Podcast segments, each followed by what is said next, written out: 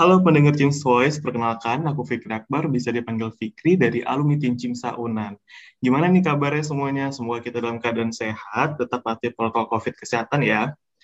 Pada episode kali ini, kita akan membahas tentang mitos atau fakta yang mungkin sering dibahas di tengah masyarakat, yaitu mitos atau fakta seputar mata. Topik ini menarik ya untuk dibahas karena banyak kita temui di lingkungan sekitar kita bahwasanya banyak anak-anak yang sudah menggunakan kacamata dari kecil. Mungkin nanti pasti ada orang yang bertanya bagaimana untuk mengurangi atau menghilangkan penggunaan kacamata. Nanti kita bakal ditemani oleh alumni kita dari Skora 2009 itu Dr. Mareza Dwitania. Halo Kak. Halo. Mungkin Kakak bisa sapa-sapa mendengar Cium Voice serta memperkenalkan diri dulu nih Kak. Ya. Halo semua, aku Mareza Dwitania, alumni uh, Cinta Unan. Uh, sekarang berdomisili di Kota Sawah Lunto, Sumatera Barat. Uh, bekerja di Puskesmas Cilungkang. Gimana kabarnya Kak? Alhamdulillah baik. Ini lagi menikmati masa cuti melahirkan. Oh, alhamdulillah untuk hari ini Kak kita bakal mencari titik terang nih Kak, mitos atau fakta seputar mata. Oke, kita mulai Kak ya. Untuk yang pertama itu mitos atau fakta membaca dalam kondisi remang-remang dapat merusak mata. Itu gimana Kak? Nah, kalau aku lihat ya, ini mitos. Jadi sebenarnya yang terjadi itu uh, adalah bukan merusak mata, tapi uh, mata itu mengalami ketegangan ya kita tahu kalau dalam kondisi remang-remang itu kan cahayanya tidak bagus ya. Uh, biasanya terjadi pada anak-anak misalnya pada malam hari sebelum tidur membaca dongeng. Nah, yang disebabkan oleh mata cahaya remang-remang ini adalah uh, mata itu akan mengalami akomodasi ya apa uh, bekerja lebih ekstra gitu untuk menangkap cahaya, untuk fokus ya fokus pada uh, bacaan yang kita baca di mata itu akan mengalami ketegangan sehingga bisa menyebabkan mata juga lelah. Jadi nanti efeknya bisa seperti sakit ya, perih pada mata atau mata kering, sakit kepala seperti itu. Oh begitu kak, berarti memang kita disarankan untuk membaca dalam kondisi cahaya yang terang berarti ya kak ya? Iya benar, kita harus uh, apa harus membaca itu dalam kondisi yang cukup cahayanya sehingga mata kita nyaman, tidak uh, tegang uh, otot-ototnya seperti itu. Oke. Apalagi juga untuk uh, membaca dalam jangka panjang juga bakal bikin mata semakin tegang ya kak ya? Iya benar. Jadi kalau kondisi ini terus menerus dalam jangka waktu yang lama itu bisa menyebabkan uh, gangguan pada mata ya Uh, jadi kalau misalnya ada orang yang suka membaca dalam keadaan yang redup, tetapi dia mengalami kelainan apa gangguan penglihatan, ya mungkin sebelumnya itu sudah memiliki gangguan, tapi ditambah dengan kebiasaannya tadi seperti itu. Oke kak. Lalu untuk yang kedua ini mitos atau fakta kak membaca sambil tiduran dapat menyebabkan rabun jauh itu gimana kak? Oh gitu ya. Jadi kan di rabun jauh ini yang yang kita tahu kalau bahasa awamnya itu mata minus ya. Itu kan terjadinya akibat ada perubahan kelentungan kornea, gangguan pada lensa mata, atau karena memanjangnya sumbu bola mata. Nah, posisi membaca itu tidak akan berpengaruh dalam memicunya timbulnya rabun jauh ya. Seperti posisi berbaring atau tiduran. Itu menimbulkan keluhan pada mata akibat mata lelah. Jadi eh, mata itu bisa perih ya, bisa tidak nyaman karena kita membaca dalam keadaan uh, tidak nyaman, apalagi sambil tiduran itu membuat uh, kemungkinan kita posisinya itu membaca dalam keadaan yang lebih dekat. Jadi itu akan memaksa mata berakomodasi terus-menerus agar nanti bayangan itu jatuh di retina. Nah, mata yang berakomodasi terus-menerus ini nanti yang akan timbul keluhan-keluhan. Matanya jadi uh, buram ya, pandangannya jadi kabur gitu. Lalu tidak nyaman pada mata, tidak nyaman pada kepala, pada leher. Tapi itu keluhannya bersifat sementara. Kalau kita istirahatkan lagi matanya secara teratur, keluhan-keluhan itu dapat diatasi. Seperti itu. Jadi membaca itu sebaiknya diperhatikan jaraknya, jarak 30 sampai 40 cm seperti itu. Tapi kalau misalnya dia baca tiduran 30 cm, mungkin nggak ya Kak? Nggak kali ya Kak ya? Uh, kalau jaraknya dipastikan bisa ini sebenarnya ya tidak apa-apa, tapi tentu kita tidak nyaman kan rasanya kan dan yes, iya apalagi kalau sambil itu biasanya malah nanti akan ketiduran. Itu pasti lama-lama akan uh, ini ya benar, kebiasaan benar. kita ya kalau anak FK itu kalau baca sambil tiduran nah itu ampuh banget itu. Tiba-tiba tidur ya kayak ya? udah nyenyak ya. Efeknya seperti obat tidur. Nah ini kak ada yang misalnya dia sudah rabun jauh lalu dia mengkonsumsi wortel apakah itu bisa menyembuhkan rabun jauhnya kak Hmm, wortel ya. Jadi kalau wortel itu kita tahu apa mempunyai kandungan vitamin A. Sebenarnya tidak vitamin A saja. Wortel itu juga ada vitamin C, juga ada kalsium, juga kandungan-kandungan lainnya. Nah, ini sebenarnya mitos ya yang kita dengar ini. Jadi rabun jauh itu yang kita sebut dengan mata minus tadi ya, miopi, uh, itu gangguan penglihatan yang tadi sudah uh, kita bahas itu uh, karena gangguan dari ininya ya, dari matanya, bukan uh, dari gangguan kornea, dari gangguan pada lensa mata, atau terjadinya perpanjangan sumbu bola mata. Nah, itu intinya. Jadi pemberian wortel dan zat-zat makanan yang kaya akan vitamin A itu uh, bukan menyembuhkan gitu. Vitamin A ini memang terbukti baik bagi kesehatan mata, namun bukan untuk menyembuhkan sifatnya. Nah, vitamin A ini perannya apa? Itu untuk mendukung metabolisme sel-sel saraf pada retina sehingga nanti mengatasi gangguan-gangguan mata yang terjadi akibat kekurangan vitamin A ya seperti seroftalmia ya, mata kering atau rabun senja. Tapi kalau misalnya dia kelainannya adalah kelainan ketajaman penglihatan atau kelainan refraksi, itu tidak sembuh dengan pemberian wortel atau vitamin A ini. Tentu dengan koreksi kacamata, seperti itu pemakaian kacamata. Tapi oh. tetap kita juga harus konsumsi ya untuk apa namanya untuk kesehatan mata. Oke, berarti uh, yang bisa disimpulkan untuk yang wortel tadi bukan untuk menyembuhkan tapi untuk membantu ya. berarti kayak. Iya benar untuk kesehatan mata. Hmm, baik baik. Lalu kak. Kalau misalnya memang Iya, kalau misalnya memang ke, uh, gangguan matanya itu akibat kekurangan vitamin A, mungkin itu bisa mengatasi, bisa membantu. Tapi kalau uh, gangguan matanya itu karena tajam penglihatan itu uh, tidak akan membantu tidak menyembuhkan seperti itu. Hmm. Berarti itu sebagai penyokong berarti kak ya untuk. Ya benar itu nutrisi ya nutrisi mata kita. Hmm, benar-benar. Lalu kak mitos atau fakta gangguan penglihatan yang bersifat genetik dan bisa menurun ke anak nantinya kak? Nah ini fakta ya. Jadi kita sering mendengar itu kalau orang tuanya uh, buta warna itu anaknya bisa buta warna ya. Gangguan penglihatan di sini kita bisa klasifikasikan ya apakah itu gangguan tajam penglihatan apakah itu gangguan uh, bawaan ya ataupun gangguan dari segi anatomi yang lainnya. Jadi uh, beberapa penelitian itu telah menemukan bahwa adanya peran ya peran kromosom uh, dalam uh, menentukan ukuran mata, lengkung kornea, Nah, jadi uh, seperti kita bahas ya, ukuran-ukuran mata ini, lempung kornea ini faktor yang berperan dalam timbulnya rabun jauh atau rabun dekat seperti itu contohnya. Jadi ada faktor genetiknya yang mempengaruhi. Tapi kita harus tahu genetik ini bukan satu-satunya faktor yang menyebabkan rabun jauh atau rabun dekat. Beberapa penelitian itu menyatakan bahwa juga banyak faktor peran dari faktor lingkungan dan juga gaya hidup atau kebiasaan ya. Seperti orang yang sehari-harinya bekerja menulis membaca. Jadi akumulasi dari aktivitas yang tadi yang melihat dengan fokus jarak yang dekat selama dalam jangka waktu yang lama ya bertahun-tahun itu dapat mempengaruhi timbulnya miopi contohnya. Nah, tapi tadi ya semuanya itu faktornya itu ada internal ada eksternalnya.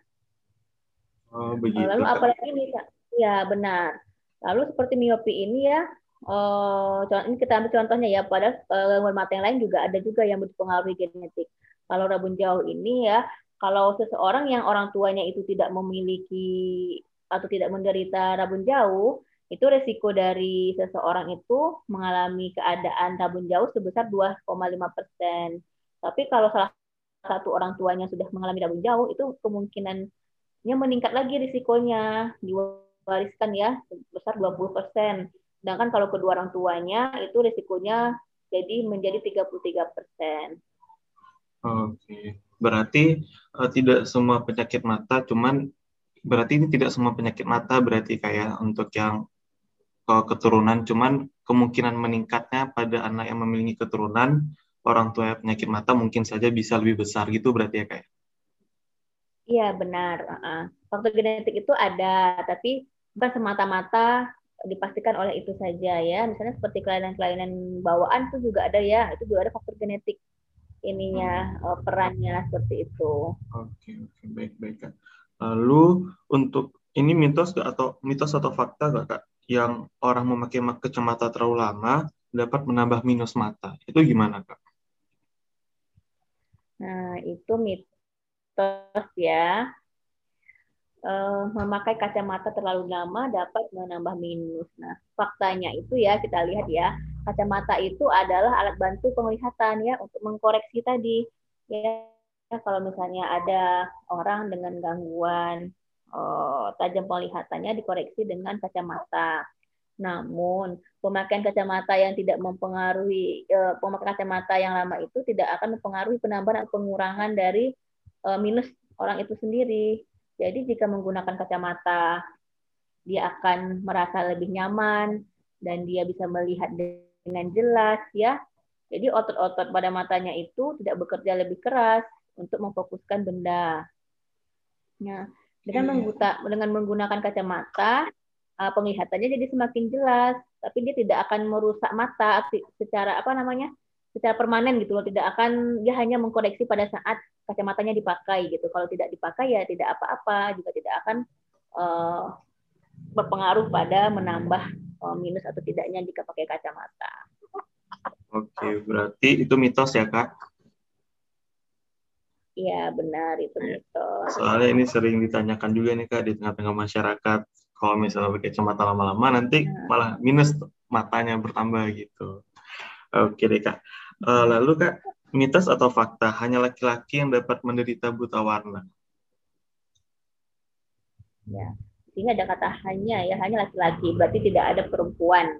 Iya. Ya, kalimatnya itu mitos ya uh, memang kita lihat mungkin kebanyakan laki-laki secara apa yang terlihat ya uh, karena memang laki-laki banyak yang mengalami gejala ataupun yang secara jelas menderita buta warna ini. Jadi buta warna ini itu merupakan salah satu kelainan genetik yang diturunkan dari orang tua kepada anaknya. Jadi dia terpaut dengan kromosom X. Artinya kromosom Y itu tidak membawa faktor buta warna. Jadi uh, karena laki-laki itu kromosomnya hanya satu kromosom X ya otomatis jika dia sudah membawa faktor buta warna tadi tentunya dia pasti akan menderita buta warna sedangkan kalau perempuan mempunyai dua kromosom X apabila hanya satu kromosom X-nya yang membawa faktor buta warna itu dia uh, hanya nanti bersifat sebagai uh, apa pembawa sebagai carrier ya hanya sebagai pembawa sedangkan dia tidak mengalami uh, buta warna seperti uh, orang yang uh, tidak bisa membedakan warna tadi. Tetapi apabila kedua kromosom X-nya itu membawa faktor buta warna, nah barulah dia menderita buta warna seperti laki-laki tadi. Jadi mayoritas kebanyakan nih besar ya itu memang laki-laki yang menderita buta warna, tapi perempuan ada seperti itu. Jadi kalau bilang hanya laki-laki itu mitos. Hmm, Oke, okay. berarti uh, bisa terjadi pada kedua gender ya kak ya? Iya bisa. Hmm, okay. Ini kak ada pertanyaan terakhir nih kak, mitos atau fakta melihat objek yang jauh dan berwarna hijau dapat mengurangi atau mencegah miopia, itu gimana? Oke, hmm, itu itu bisa jadi mitos ya. Jadi sifatnya kenapa kita dianjurkan untuk melihat apa melihat objek yang jauh atau berwarna hijau ya suka dengar kata-kata seperti itu itu tujuannya adalah untuk mengistirahatkan mata ya di sela-sela aktivitas belajar ya bekerja di depan uh, laptop. Itu kita bisa lakukan merilekskan mata itu dengan melihat keluar ya melihat keluar atau melihat benda yang jauh. Sehingga uh, mata tadi tidak gampang lelah ya. Uh, dia bisa istirahat seperti itu. Um, bagi kita yang sehari-hari itu bekerja di depan komputer ya atau misalnya di depan buku dalam jangka waktu yang lama itu disarankan untuk beristirahat melihat benda yang jauh setiap 1 sampai 2 jam untuk relaksasi otot-otot mata. Jadi sebenarnya melihat tidak harus melihat yang hijau, melihat yang jauh, apakah itu laut, ya gunung, atau melihat benda. Tapi kebanyakan itu melihat yang hijau karena ketika kita di luar itu pasti kita melihat adanya pohon-pohon, ya adanya gunung. Seperti itu. Tujuannya adalah untuk relaksasi otot, untuk mencegah kelelahan mata dan untuk menghilangkan dan bukan untuk menghilangkan kelainan rabun jauhnya. Oh, begitu berarti. Jadi memang bertujuan memang untuk uh, merilekskan mata berarti ya Kak. Terlebih pada kondisi sekarang kita apalagi kayak mahasiswa-mahasiswa atau kegiatan-kegiatan kantor lainnya udah di, dijadikan work from home yang kita melihat ya, gadget tiap hari, tiap saat, makanya perlu relaksasi mata. Dan salah satunya mungkin menurut pertanyaan ini seperti yang kakak bilang tadi karena dia lihat keluar yang hijau makanya dia langsung bilang ngeliat yang hijau itu gitu kali ya kak ya Iya dan dan warna hijau itu kan identik dengan apa ya? Dengan segar gitu bagi kita kan. Hmm, yeah. Iya. uh, merasa lebih nyaman, lebih adem rasanya melihat yang hijau. Tapi secara teori itu tidak harus yang hijau. Yang penting melihat dalam kondisi pandangan yang jauh. Hmm. Nah, kalau misalnya kita melihat keluar itu pemandangannya adalah laut, ya boleh-boleh aja laut. Itu kan misalnya di atas bukit tuh, melihatnya ke bawah tuh laut.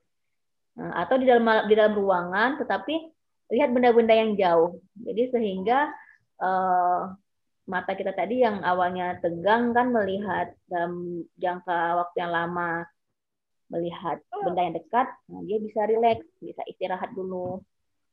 Oke, Kak. Berarti untuk pertanyaan mitos atau fakta sudah selesai nih, Kak. Jadi kita sudah banyak menemukan rata-rata masih mitos yang dijadikan pertanyaan ini, Kak. Mungkin teman-teman nanti para pendengar yang mendengarkan ini bisa mengetahui titik terangnya dari sharing-sharing sama Kak Reza tadi. Oke deh Kak, untuk itu terima kasih Kak udah sharing di Chim's Voice. Semoga bermanfaat untuk kita semua dan tetap menjaga protokol kesehatan. Sampai jumpa teman-teman. Terima kasih ya Kak. Ya, sampai jumpa. Terima kasih kembali. Halo pendengar Team Voice, perkenalkan aku Fikri Akbar, bisa dipanggil Fikri dari alumni Tim Cimsa Unan. Gimana nih kabarnya semuanya? Semoga kita dalam keadaan sehat, tetap patuhi protokol COVID kesehatan ya. Pada episode kali ini, kita akan membahas tentang mitos atau fakta yang mungkin sering dibahas di tengah masyarakat, yaitu mitos atau fakta seputar mata. Topik ini menarik ya untuk dibahas karena banyak kita temui di lingkungan sekitar kita bahwasanya banyak anak-anak yang sudah menggunakan kacamata dari kecil mungkin nanti pasti ada orang yang bertanya bagaimana untuk mengurangi atau menghilangkan penggunaan kacamata. Nanti kita bakal ditemani oleh alumni kita dari Skora 2009 itu Dr. Mariza Dwitania. Halo Kak. Halo. Mungkin Kakak bisa sapa-sapa mendengar Cium Voice serta memperkenalkan diri dulu nih Kak. Ya. Halo semua. Aku Mariza Dwitania, alumni uh, Cinta Unan. Uh, sekarang berdomisili di kota Sawah Lunto, Sumatera Barat, uh, bekerja di Puskesmas Cilungkang. Gimana kabarnya Kak? Alhamdulillah baik. Ini lagi menikmati masa cuti melahirkan. Oh, alhamdulillah.